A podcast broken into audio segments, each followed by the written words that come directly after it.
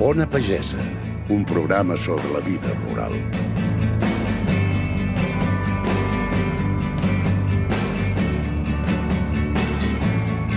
Quan d'un cel blau de l'hort somriguin, núvols blancs i bufi el vent, els teus Hola a tothom, benvinguts a Ona Pagesa, el podcast sobre la vida rural del projecte Arrels.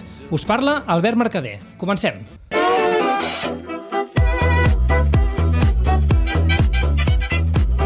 Miquel Andreu, bon dia. Hola, bon dia. De què parlarem avui?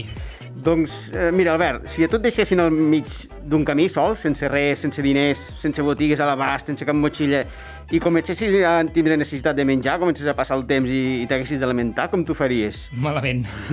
doncs segurament estaries envoltat de plantes i plantetes per tot arreu, allà a la vora del camí mateix, però sabries quines es poden menjar i quines no, quines propietats tenen i com fer-les servir? No gaire, la veritat és que crec que les passaria canutes. Doncs avui parlarem d'això, amb gent que sí que ho sap, I que sobreviuria segurament uns quants dies més que jo. segurament. Doncs som-hi. Avui, a Ona Pagesa, plantes silvestres comestibles. Ona Pagesa, un podcast sobre la nostra terra.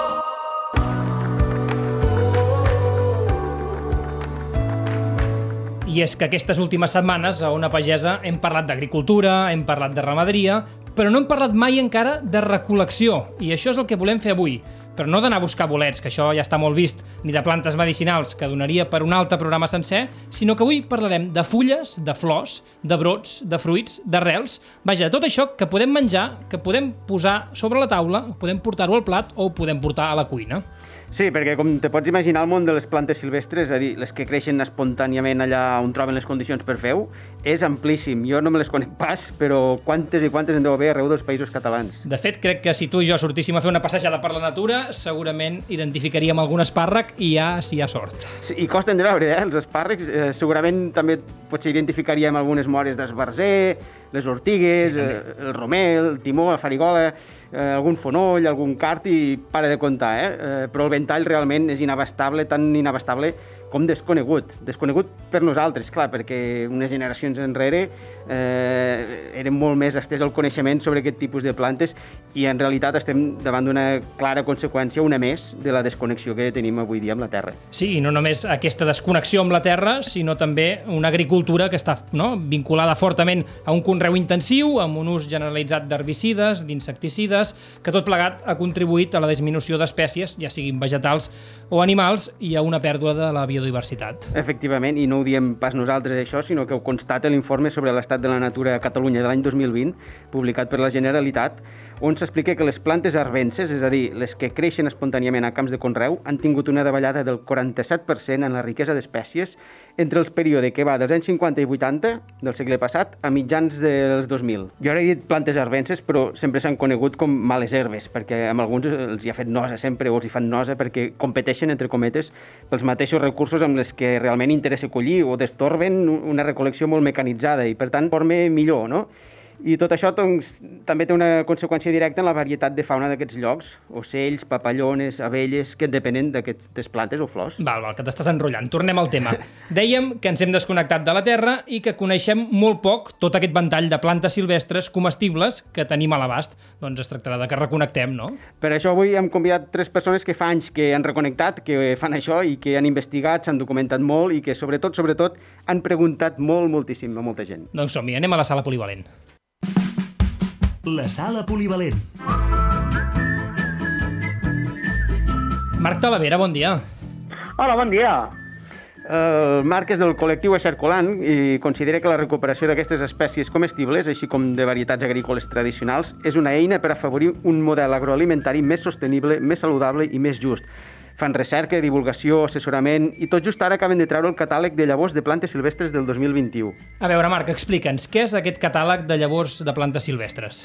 Doncs el que vol fer és una eina que permeti d'una vegada poder tornar a cultivar, consumir, comercialitzar totes aquestes espècies silvestres comestibles que tenim però que durant tants anys no hem fet cas i que han de ser una eina, com bé, com bé comentàveu, per transformar aquest model agroalimentari poder fer-nos més sobirans, recuperar sobirania alimentària i també recuperar doncs, el que és el concepte de l'equilibri territorial.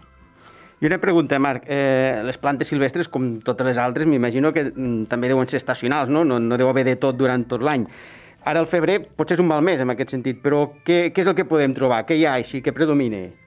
Podria semblar que és un mal mes, però pensa que totes les uh, espècies que floreixen a la primavera ara es troben en forma de roseta basal, uh, en, en tenim les fulles que són tendres, per tant mm. tenim moltes espècies com pot ser lletsons, ortigues, uh, fins i tot comencen a, a aparèixer doncs, els fonolls que broten uh, i que poden servir-nos per consumir tant amb truita, amb amanides, amb, amb, com a verdura. Per tant, la riquesa d'espècies silvestres que tenim a l'hivern és molt més elevada del que, de, de la que podia semblar. Uh -huh. Què passa? Que són plantes que no ens criden l'atenció perquè són petitones, les tenim amb roseta, vents de lleons, ticoies, mastegueres, cosconilles... Ara és el moment ideal per consumir-les. Uh -huh. Per què hem perdut aquest coneixement? Per què ens hem desconnectat d'aquest tipus de plantes? Això és una resposta complexa. Al final són una sèrie de factors de caire socioeconòmic. Podríem remuntar-nos a la història del llarg del segle XX eh, i va ajudar, evidentment, la Guerra Civil, una vinculació emocionalment negativa en aquest període, que va associar aquestes espècies el que serien la, la misèria, la fam i també uns moments doncs, a nivell social, emocional doncs, poc agradables, i després el que seria la tendència a concentrar la població en unes societats cada cop més urbanes. És evident que en una àrea metropolitana, per molt que vulguem, aquestes espècies difícilment les podrem anar a recollir o formaran part del nostre dia a dia. Per tant, eh, si no les tenim eh, integrades en el nostre quotidià, difícilment els hi farem cas i, per tant, difícilment les, les podrem recollir i consumir. Per això és molt important no només que se'n recuperi l'ús, sinó que entrin de nou a les explotacions agrícoles, que es cultivin de forma sostenible, que ajudin a diversificar allò que fan els pagesos i pageses i que, evidentment, es puguin tornar a, a consumir i que la gent des de Barcelona fins al poble més petit del Pallars les puguin trobar, no? Abans dèiem que l'agricultura mm, intensiva, que a vegades que busca unes finques més uniformes, potser han anat desplaçant a, a, a aquest tipus de plantes. És així, realment? Uh, en certa manera pot ser així, uh, però la major part de, de casos en què ens trobem és que aquestes plantes hi són. El que passa és que no les fem servir, no els hi fem cas, no els hi parem cap mena d'atenció. Per tant, més enllà d'evidentment reivindicar una agricultura més sostenible que ajudi a mantenir la biodiversitat a tots els nivells, el que hem de fer és a aquestes espècies veure on són i deixar de percebre-les només com unes males herbes i entendre que en uns contextos evidentment seran unes males herbes, perquè si tu tens un tros plantat d'ordi, tu allà vols que creixi ordi, no roselles, mm. però alhora aquelles roselles en un altre context poden ser l'aliment o, la, o, o el recurs que tu estàs intentant, intentant obtenir, no? Per tant, és una miqueta aquest canvi, aquest canvi de mirada el que sobretot és important. I, Marc, com es comença aquesta, aquest canvi? No? Dius que, de, que hem de començar a veure aquestes plantes silvestres com una cosa positiva, no com un estorb. Com, com, mm -hmm. com s'ha de començar a fer aquesta feina? Uh, jo diria que a nivell d'usuari, si fiquem a l'exemple de com una persona pot aconseguir-ho, pot, pot iniciar aquest camí, uh, mica en mica. Pensem que és un camp molt desconegut, molt ampli, d'espècies silvestres comestibles n'hi ha centenars, igual que de varietats agrícoles tradicionals. El que no podem pretendre és d'avui per demà a canviar el nostre quotidià a nivell gastronòmic o a nivell agrícola. El que hem de fer, si tenim un hort, si tenim un pagès o pagès, si tenim l'ocasió de, de contactar amb alguna d'aquestes plantes, dir, mira, avui començaré a fer servir l'ortiga o les roselles, o els lletsons, o els coritxos, i mica en mica anar-les incorporant, anar-les demanant, perquè al final això és una cadena. Es recuperaran quan els pagesos les cultivin, però els pagesos les cultivaran quan algú les vulgui consumir, i algú les voldrà consumir quan les coneguin i sàpiguen que són bones. I una miqueta el paper del col·lectiu circulant és tractar de uh, trencar les barreres que existeixen en cadascun d'aquests nivells per fer que el que seria aquesta roda no? comenci a girar de nou i, a més a més, que es faci sempre de forma sostenible, no només, no només a nivell ambiental, sinó també a nivell econòmic i, i social, no? que és un, és, un, és un element importantíssim per canviar, per canviar el model. Doncs, Marc, fem un exercici. Sedueixem a mi, que no en tinc ni idea, de quines plantes, no? quines d'aquestes herbes silvestres puc començar i per què les podria fer servir, per exemple. Digue'm dos o tres exemples interessants de, de plantes que podria anar a buscar. Per exemple, ara a la primavera a l'hort et començaran a sortir ortigues aquestes ortigues que, evidentment, si tu has plantat alls, les has d'arrencar perquè els alls no s'ofegarien, uh, les pots uh, recollir amb guants perquè no et piquis les mans, en pot ser un pesto, en pot ser una sopa o en pot ser uh, una croqueta. Són delicioses, amb un gust semblant als espinacs i nutricionalment molt i molt interessants. O, per exemple, podem parlar de la verdolaga, una planta que també és molt freqüent als horts durant l'estiu, que s'escampa i que uh, et pot servir d'entapissant a sota les tomaqueres, per tant, t'ajuda a mantenir la humitat, però a més a més aquesta planta la pots recollir, es consumeix a pràcticament tot el món, per tant, no estaràs fent uh, cap uh, temeritat, mig món es menja aquesta planta, per tant, podem començar-nos-la a menjar amb un estofat de cigrons amb verdolaga, per exemple, on en lloc de ficar-hi bacon hi ficam la cebeta talladeta, aquesta verdolaga sofregideta amb els cigrons i ningú uh, endevinarà que aquell és un estofat, que porta aquesta planta estranya i fins i tot molta gent la confondrà aquesta tija vermelleta amb un tros de bacon. O un altre exemple, els colitxos, els coniells, que eren una planta molt present als camps de cereals perquè fa un rizoma com una grama, quan broten ara comencen a brotar aquelles fulles oposades, petitones, de color, de color blavós, que tenen sense cap mena de pèl, són tendríssimes amb amanida, amb un regust de fruit secs, i a més a més les saltegem, pim-pam, a la paella, i són excel·lents, per exemple, amb un remenat, com si, com si féssim un remenat d'espàrrecs, doncs un remenat de colitxos, que és deliciós. Aquests serien tres exemples fàcils que segur, segur, segur que a tothom agraden, però evidentment són tres de segurament les més de 300 plantes que podem arribar a fer servir.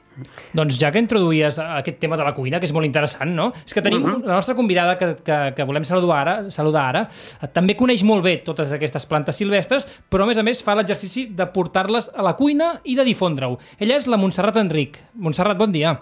Hola, què tal? Bona tarda. La Montserrat Enric ha fet carrera periodística a la premsa comarcal i ha publicat sobre història i costums d'àmbit local, cosa que la va portar precisament a aficionats pel consum tradicional de plantes silvestres. Es va diplomar en fitoteràpia i herboristeria i fa més de 20 anys que es dedica a investigar i a estudiar les plantes i les seves aplicacions a la gastronomia. Junt amb l'Elisenda Carvall, Carballido ha publicat els llibres Herbes a la carta, La farigola i Les ortigues. Montserrat, he vist que el teu Instagram, que es diu Gastronomia Salvatge, des d'aquí ah, fem l'anunci, Sí. i, i fa venir bastanta salivera, eh? Ah, sí? Oh, sí, sí, quan el veus dius, ostres, sí, sí, més val que el miris quan hagis acabat de dinar, perquè si no pateixes. D'això es tracta, d'això es tracta. Escolta, has començat l'any amb bones notícies, eh? El llibre sobre les ortigues és un dels tres finalistes del Premi Gourmand, que reconeixen cada any Sí. els millors llibres de cuina i de vi, i els altres dos, Sí. un del Canadà sobre plantes medicinals indígenes i un sobre plantes alimentàries del Congo, també estan tenint bon recorregut, no? Sí, sembla ser que sí. Bueno, aquests dos no els coneixia, m'han enterat arrel de, de que em van dir que el meu estava seleccionat, però la veritat és que m'ha sorprès molt, però bueno, estic molt contenta, eh, perquè no, que ni m'ho esperava, vamos, és que no, no, no, no hi penses en això, no? Ni sabia que existís aquest premi, per, per ser-te franca. I bueno, doncs, eh, allí està. El mes de juny diu que donaran el veredicte, però bueno, jo estant entre els tres primers, més que contenta. Perquè el llibre de les ortigues està dins d'una col·lecció que es diu Bones herbes. Això vol dir Sí. que realment hi ha bones i males herbes? A veure, eh, mira, jo et diria que totes les herbes són bones. Una altra cosa és que siguin bones per, per nosaltres o, o que siguin tòxiques o el que sigui, però una herba, una planta, de moment que està creada, que està a la naturalesa, és bona per naturalesa. No serà bona per tu, no serà bona per mi, però a la millor és bona per una altra espècie. Per tant, jo diria que les bones herbes són totes. Una altra cosa és que siguin comestibles, que ens les puguem menjar, eh, etc etc. O sigui, tot això ja són matisos que podríem anar mm, eh, escalonant. Però, en definitiva, totes les herbes són bones. Ara, també diem que bones herbes són aquelles que el primer que pensem quan sentim això és dir, bueno, les herbes que ens podem menjar, sí, efectivament, o que a la millor ens curen. De fet, la, la idea de bones herbes surt una miqueta de, del sensoví perquè quan a les receptes que, que hi ha el llibre, en algunes doncs, eh, es, esmenta les plantes que s'afegeixen a la recepta, però en d'altres la recepta diu eh, posi això i això i això i bones herbes, i apa. Eh, i, imagi, posa és a dir, posa-li la teva imaginació, no?, per dir-ho d'alguna manera. I llavors, doncs, amb l'editor mm, vam decidir que la, que la col·lecció es diria Bones Herbes, que, per cert, aquest, en aquests moments el tercer llibre de la col·lecció Bones Herbes està a l'impremta, és a dir, que jo penso que a primer de març ja estarà al carrer, que és en aquest cas sobre el romaní. Doncs mira, els que ens escolten ja, ja ho sabeu, a partir del març teniu el llibre del romaní disponible, perquè a, això de l'aplicació de plantes silvestres, de flors a la gastronomia, al final no s'ha concebut sempre com una cosa més aviat complementària, no? com una cosa més de, de més a més, ornamental. Aviam, eh, sobre això hi ha molt a dir. Mm, les, i, I a més a més també depèn del tipus de planta. Eh, per exemple, el menjar flors de romaní, evidentment, és una cosa molt complementària, perquè és allò, dius, mira, vaig a fer una cosa molt sublim i a damunt hi posaré mitja dotzaneta de flors de romaní per decorar el plat, que això de decorar el plat és una cosa que en la cuina actual és molt habitual, però fa 100 anys no els diguis que vagin a decorar el plat, perquè la, la qüestió era una altra, la qüestió era potser, i en certs ambients, era omplir l'estómac, i en certs moments de la història el que, el que s'ha tingut en compte és dir, bueno, què menjo, no? No, amb flors de romaní doncs no m'alimentaré, potser amb un plat d'ortiga sí, Vale? Doncs, que tot això al, cap de, al llarg dels anys ha canviat moltíssim i es pot mirar des de molts punts de vista.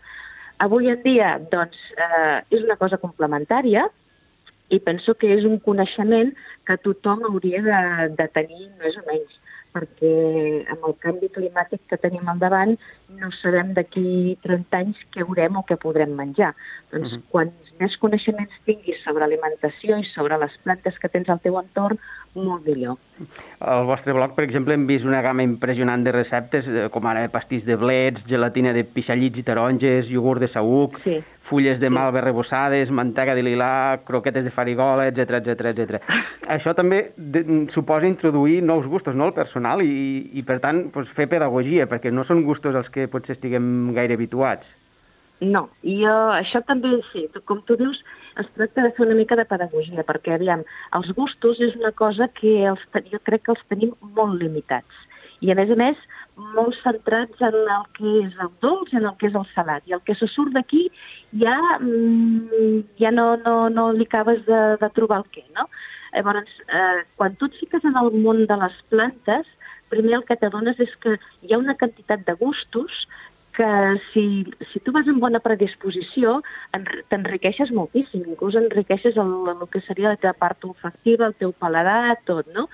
Però, eh, i clar, surts una miqueta de lo que és la, la, la, la norma o el que és lo habitual i et trobes en que hi ha coses boníssimes. I després, afortunadament, avui dia tenim tècniques de cuina, eh, eh, instrumental, eh, metodologies que ens permeten fer moltes coses i, i receptes molt agosarades. I tu, I tu dic jo que jo sóc una cuinera molt modesta, sóc cuinera de casa meva i, i, i, cui- faig una cuina més aviat senzilla. Però, per exemple, eh, qui fa receptes molt, molt xules i molt maques són doncs, els, aquests grans cuiners que, que cada any es reparteixen les estrelles Michelin, doncs eh, si tu t'ho vas a mirar, si entres en la web de molts d'aquests cuiners, veuràs que la majoria d'ells fan servir plantes silvestres. Per què? Doncs perquè és una manera de- d'oferir productes nous, per tant, captar clientela, però oferir coses, novetats, que és una miqueta el que busca la gent, no? Oferir nous gustos, noves textures, etc etc. I, I en aquest camp trobo que el coneixement i la cuina de les plantes silvestres té molt, molt de camp per recórrer. Doncs deixeu-me incorporar una tercera branca. El Guillem Figueres i la Natasha Filippi són els Corremarges, una associació sense ànim de lucre que treballa per a la recuperació i la divulgació dels usos populars de la vegetació, també per recuperar coneixements locals sobre les plantes i especialment sobre plantes silvestres comestibles. També fan conserves artesanes, melmelades i salses i col·laboren amb restaurants, aconsellant-los en aquest sentit en l'ús de la vegetació silvestre. Clar, Guillem, vosaltres heu preguntat a molta, molta gent, no? Eh, doncs, déu nhi Sí, amb, el, amb els anyets que portem fent això, doncs, eh, sí, hem pogut parlar amb bastanta gent, sí. Perquè una de les activitats que feu són passejades etnobotàniques. Que això què Sí. és?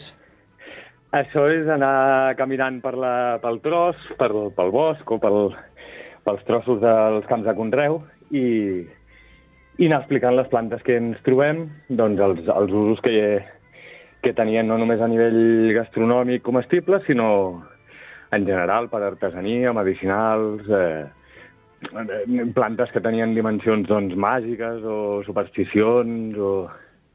Cada planta té una història, vaja, no? Eh, exacte.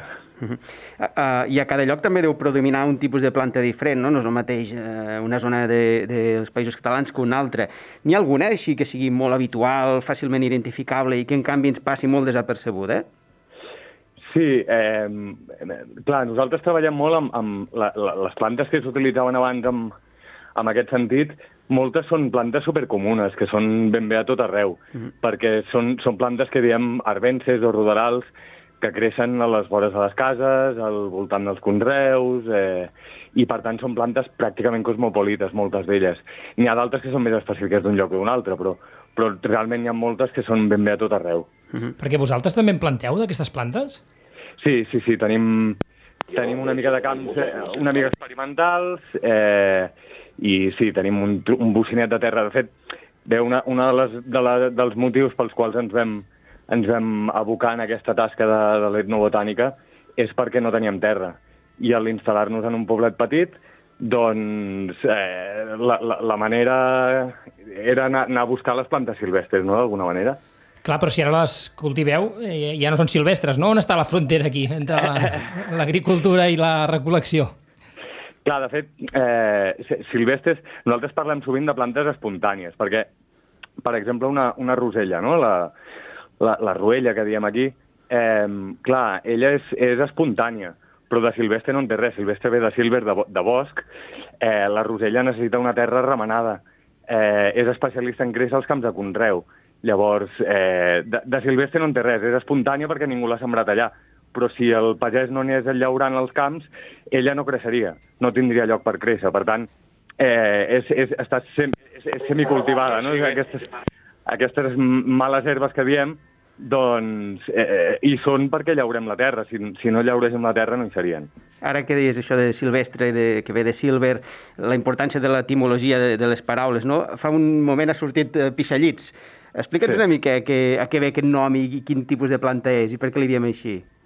Bueno, el pissallit es, es diu així perquè és diurètic, no? perquè mm, va bé per, per eliminar l'aigua. Eh, és és una, una planta perenne que fa, un, fa una arrel bastant, bastant grossuda i va sortint cada any de la mateixa arrel. Eh, fa una roseta basal de fulles a, arran de terra i eh, així dentades, no? És la dent de lleó, també, li Mhm. diuen. Eh, I és, és boníssima en amanida. Eh, després també la, les flors es podrien menjar i sobretot els, els, les poncelles de les flors també també són comestibles, se'n poden fer com tàperes, oi? La, la, la tàpera és, és la, la poncella de la flor de la taperera, doncs es poden fer tàperes amb d'altres poncelles que siguin comestibles, doncs amb el, amb el pissallit o la dent de es pot fer també. En la majoria dels casos, aquest tipus de plantes eh, estan a l'abast de tothom, no diem, no, que no són de ningú, o almenys difícilment algú les reclamarà la, la propietat. Amb la crisi que ve, amb el món que ve, eh, és bon moment per plantejar eh, un major coneixement d'aquest- d'aquesta alternativa com a complement alimentari, que està a l'abast, que és gratuït. Potser és el moment d'aprendre una mica més de tot aquest món, no? I tant. Eh, de, de fet, no només per la crisi, eh? Vull dir, sempre, sempre és bon moment per aprendre i, i, i per, per, per mirar al voltant nostre. El, el problema una mica, dius que estan a l'abast de tothom, el problema avui en dia doncs, és la, la contaminació, ja sigui pels cotxes, pel, uh -huh. pels pixats de gos, per, pel... Bueno, eh, no pots anar a collir a qualsevol lloc, no? Els, els químics que s'utilitzen en l'agricultura, parlava de les roselles, doncs eh, la, la, la, la, els pagesos el que voldrien és no veure'n més de roselles eh, tot i així la, els seus avantpassats segurament se'n- se les menjaven, no? Llavors, eh, això d'u- d'u- d'un cantó sí que estan a l'abast de tothom, però de l'altre, eh, avui en dia hi ha, hi ha molta gent que ve als tallers i ens diu, ostres, però on, on ho podem collir tot això? Perquè, clar, eh, no, no es pot collir tot arreu. Eh, els parcs a dins de les ciutats, per exemple, doncs no és recomanable collir, tot i que està ple de, de plantes que són comestibles. Eh, llavors, la segona part, la, la, la, la pregunta que em feies, no?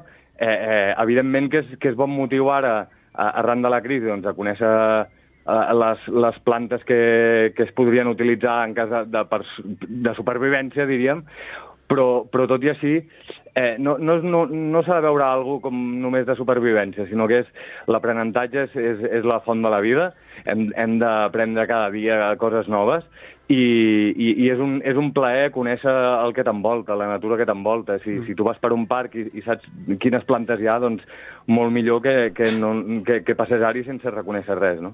En aquest sentit, eh, identificar quines plantes són comestibles requereix un bagatge, no? uns coneixements que no té tothom. Hi ha alguna fórmula així bàsica, que, que, algun tret característic que puguem identificar amb que aquella es pot menjar i aquella mai dels mais?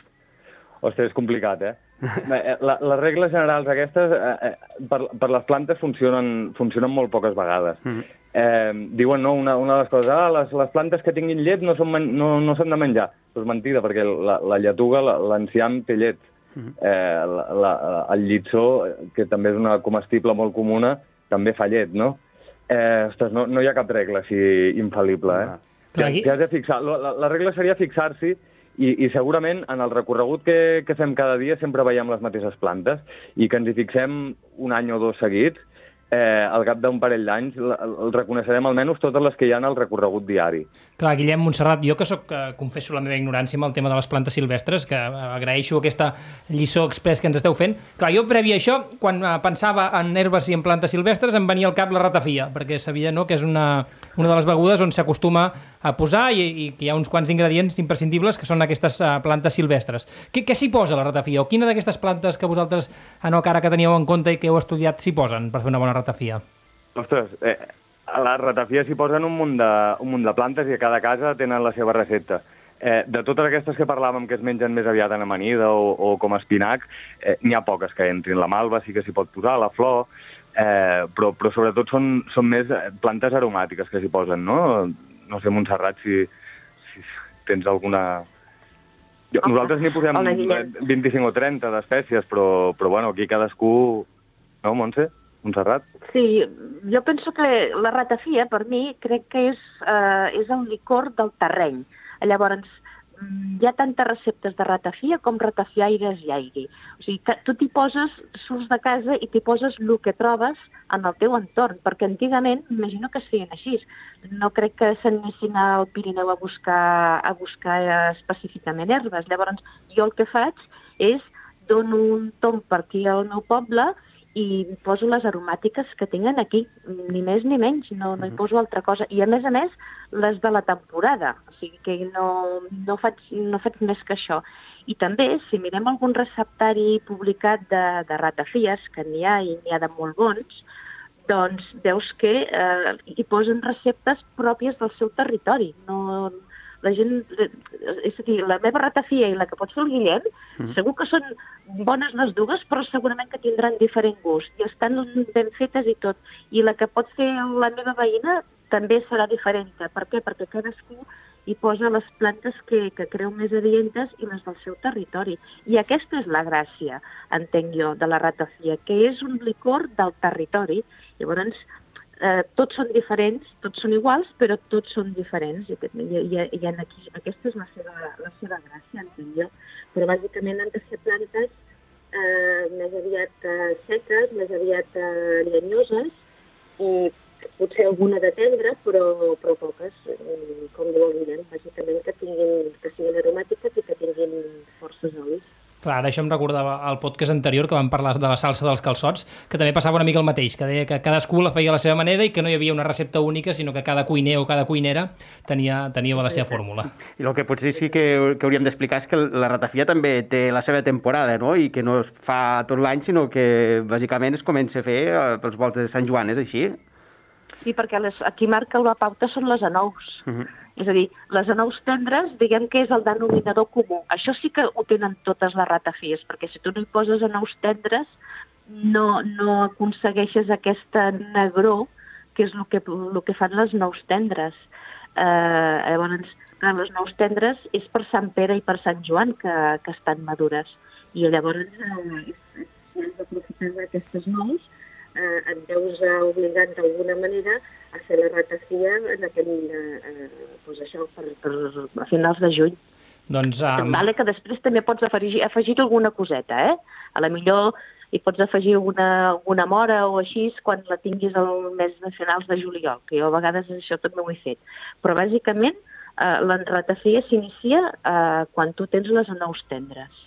Doncs Marc, Montserrat, Guillem, gràcies per a, a il·lustrar-nos una mica més i ajudar-nos a conèixer una mica més aquest món que és molt desconegut per nosaltres, però també segur per molta de la gent que ens escolta, que és aquest de les herbes i de les plantes silvestres, i tot el que podem fer amb elles i tot el que encara, ens, ens queda encara per aprendre a com a tractar-les. Moltes gràcies. Gràcies a vosaltres. Ona Pagesa, de les arrels a les ones. L'agrotuber. Perquè nosaltres no podíem marxar sense passar per la Ribera Baixa, sense anar al País Valencià, perquè allà hi tenim el nostre agrotuber, el Llauro Indignat. Llauro, què tal, com estàs? I criminals, què passa per ahí? De puta mare. Ah, estàs content? de plantar carabasses. Estàs content avui? Avui, bueno, una mica, una mica, perquè he tornat a ser el primer, el primer llaurador de tots els països catalans que planta carabasses.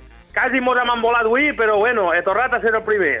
Això vol dir que tu et trobes bé, que no tens Covid, que ja t'ha passat l'enfado aquell del vídeo que vam veure de que, que et cagaves amb tots els que s'havien vacunat. Tu estàs vacunat ja? Home, home, pues jo, jo no m'he vacunat, però és que, és que la gent està molt subnormal, home. És que, és que jo em cago en la mare que els ha parit, tio. Jo és que faig un vídeo, faig un vídeo i, i home, jo vaig fer el vídeo pues, per conscienciar a la gent, per tots estos napicols de, de negacionistes que no volien vacunar-se, pa aquí, pa allà, però a collons, resulta que tots els polítics, tots els que manen, jutges, fiscals, el bisbe d'Oriola crec que ha sigut, tota la manaixa de fills de putes i de cabrons, tots a vacunar-se, eh? Resulta que m'han fet cas, home, per això sí que em fan cas, per lo que els interessa sí que m'han fet cas, me caguen la puta mare. A tu això pareix normal? Colant-se davant dels huelos i de la gent impedida i de la gent necessitat, tots els cabrons d'eixos me caguen Déu. A mi no gaire, això també ha passat per aquí dalt, també n'hi ha hagut uns quants que, que s'han aprofitat de la situació per, per passar és davant. que, és, que, és que són uns criminals, tio. És que així això, això no pot ser. Ara tu imagina que, que, que, que jo agarro el coronavirus, que no el note, que me'n vaig a dinar amb ma abuela i la mate. L'agarra ma abuela i la mate. Què fem? Doncs pues me'n vaig i mate al fiscal, al bisbe i a la mare que els ha parit a tots. Me caguen Déu. No matis a ningú, no matis a ningú encara, perquè el que sí que imagino és que, que el confinament aquí a, a la Ribera Baixa uh, i no totes aquestes restriccions, molt bé no ho deveu portar, no? Això de no poder anar gaire al bar, de la vida això social... És molt dur. Això és molt dur, tio. Això, això, això ja no n'hi ha co- com, com aguantar-ho, però clar, no podem fer no podem fer altra cosa, hem de donar exemple i no hem de sortir de casa només que treballar, però és que això, això, això és impossible, tio. Això ja, ja, ja no n'hi ha com aguantar-ho, tots els bars tancats, tot tancat, ara avui que hem plantat hem plantat avui 40 fanecades de carabasses, estava jo content i, i dic als homes, eh, vaja, anem al bar i vos convide dos cerveses i una casalla. I diuen, però què collons de bar, si està tot tancat? I és que, pues jo no sé com serà allí, per allí pel, pel Principat, però això, això, això és que ja no n'hi ha com aguantar-ho, tio. De, de, de, de casa al treball, del treball a casa, i això, això és insuportable, tu. Jo, si no s'acaba pront això, perquè és que jo, si tinguera davant al fill de puta del xino que es va menjar la rata pena eixa, a Bascollars el destruiria, eh? Si haguera menjat una bona figa, això no hauria passat, me caguen Déu. Bueno, Llauro, escolta'm, molts ànims. Això sembla que encara va una mica per llarg, per tant, paciència. Uh, L'única esperança que tenim també aquí al Principat és que ens obrin una mica els bars i com a mínim puguem trobar una mica de- d'espai per socialitzar i per fer, ara ho deies, alguna cerveseta que segur que ens animarà una mica la cosa. Socialitzar, socialitzar, els ous anem a socialitzar. Me caguen la mare que ha parit al xino i a la Xina i, i me caguen de vale, a fer la mà.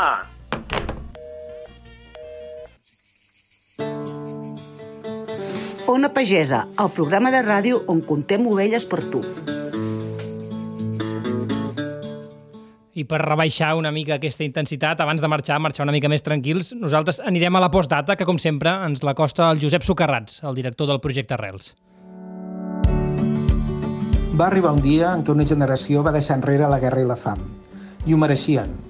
Després de massa anys de penúries, tenien tot el dret a l'opulència dels nous supermercats ben assortits, a trobar bistecs gruixuts a la carnisseria del barri o a fascinar-se pels colors llampants de fruites arribades de qui sap on. La memòria de la cuina antiga no es va perdre del tot, és clar, però allò que podíem aconseguir sense pagar, allò que collíem o caçàvem al bosc, va perdre interès. Començàvem a ser rics? 20, 30 o 40 anys després vam descobrir cuines arribades de molt enllà, de Pèrsia, de l'Índia, de Mèxic, i ens en vam enamorar. Cuines carregades d'espècies i condiments que alegraven els plats, mentre que aquí havíem apartat la farigola, el romaní, el marduix o l'orenga del rebost de Catalunya. Per sort, es conservava a les cases de pagès, on les cassoles seguien omplint-se amb tot un herbari culinari que en rieu-vos-en dels xefs més inspirats. Avui aquest herbari ja té qui el reivindiqui, i això és un exemple de com la gastronomia també ens pot reconnectar amb el món que torna. Cada cop que alcem una tapadora i la cuina s'impregna d'aromes de bosc, compartim la mateixa felicitat que oloraven les nostres besàvies. Una felicitat que tenien al costat de casa i que nosaltres volem recuperar. Ona Pagesa, un podcast sobre la nostra terra.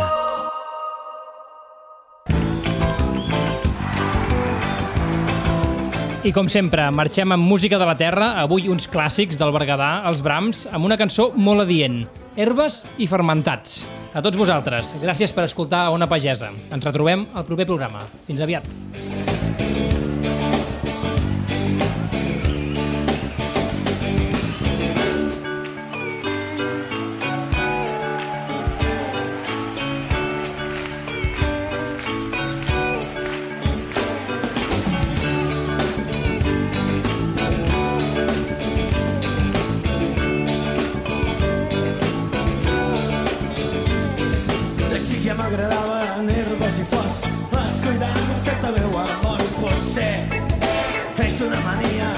segueixen agradant.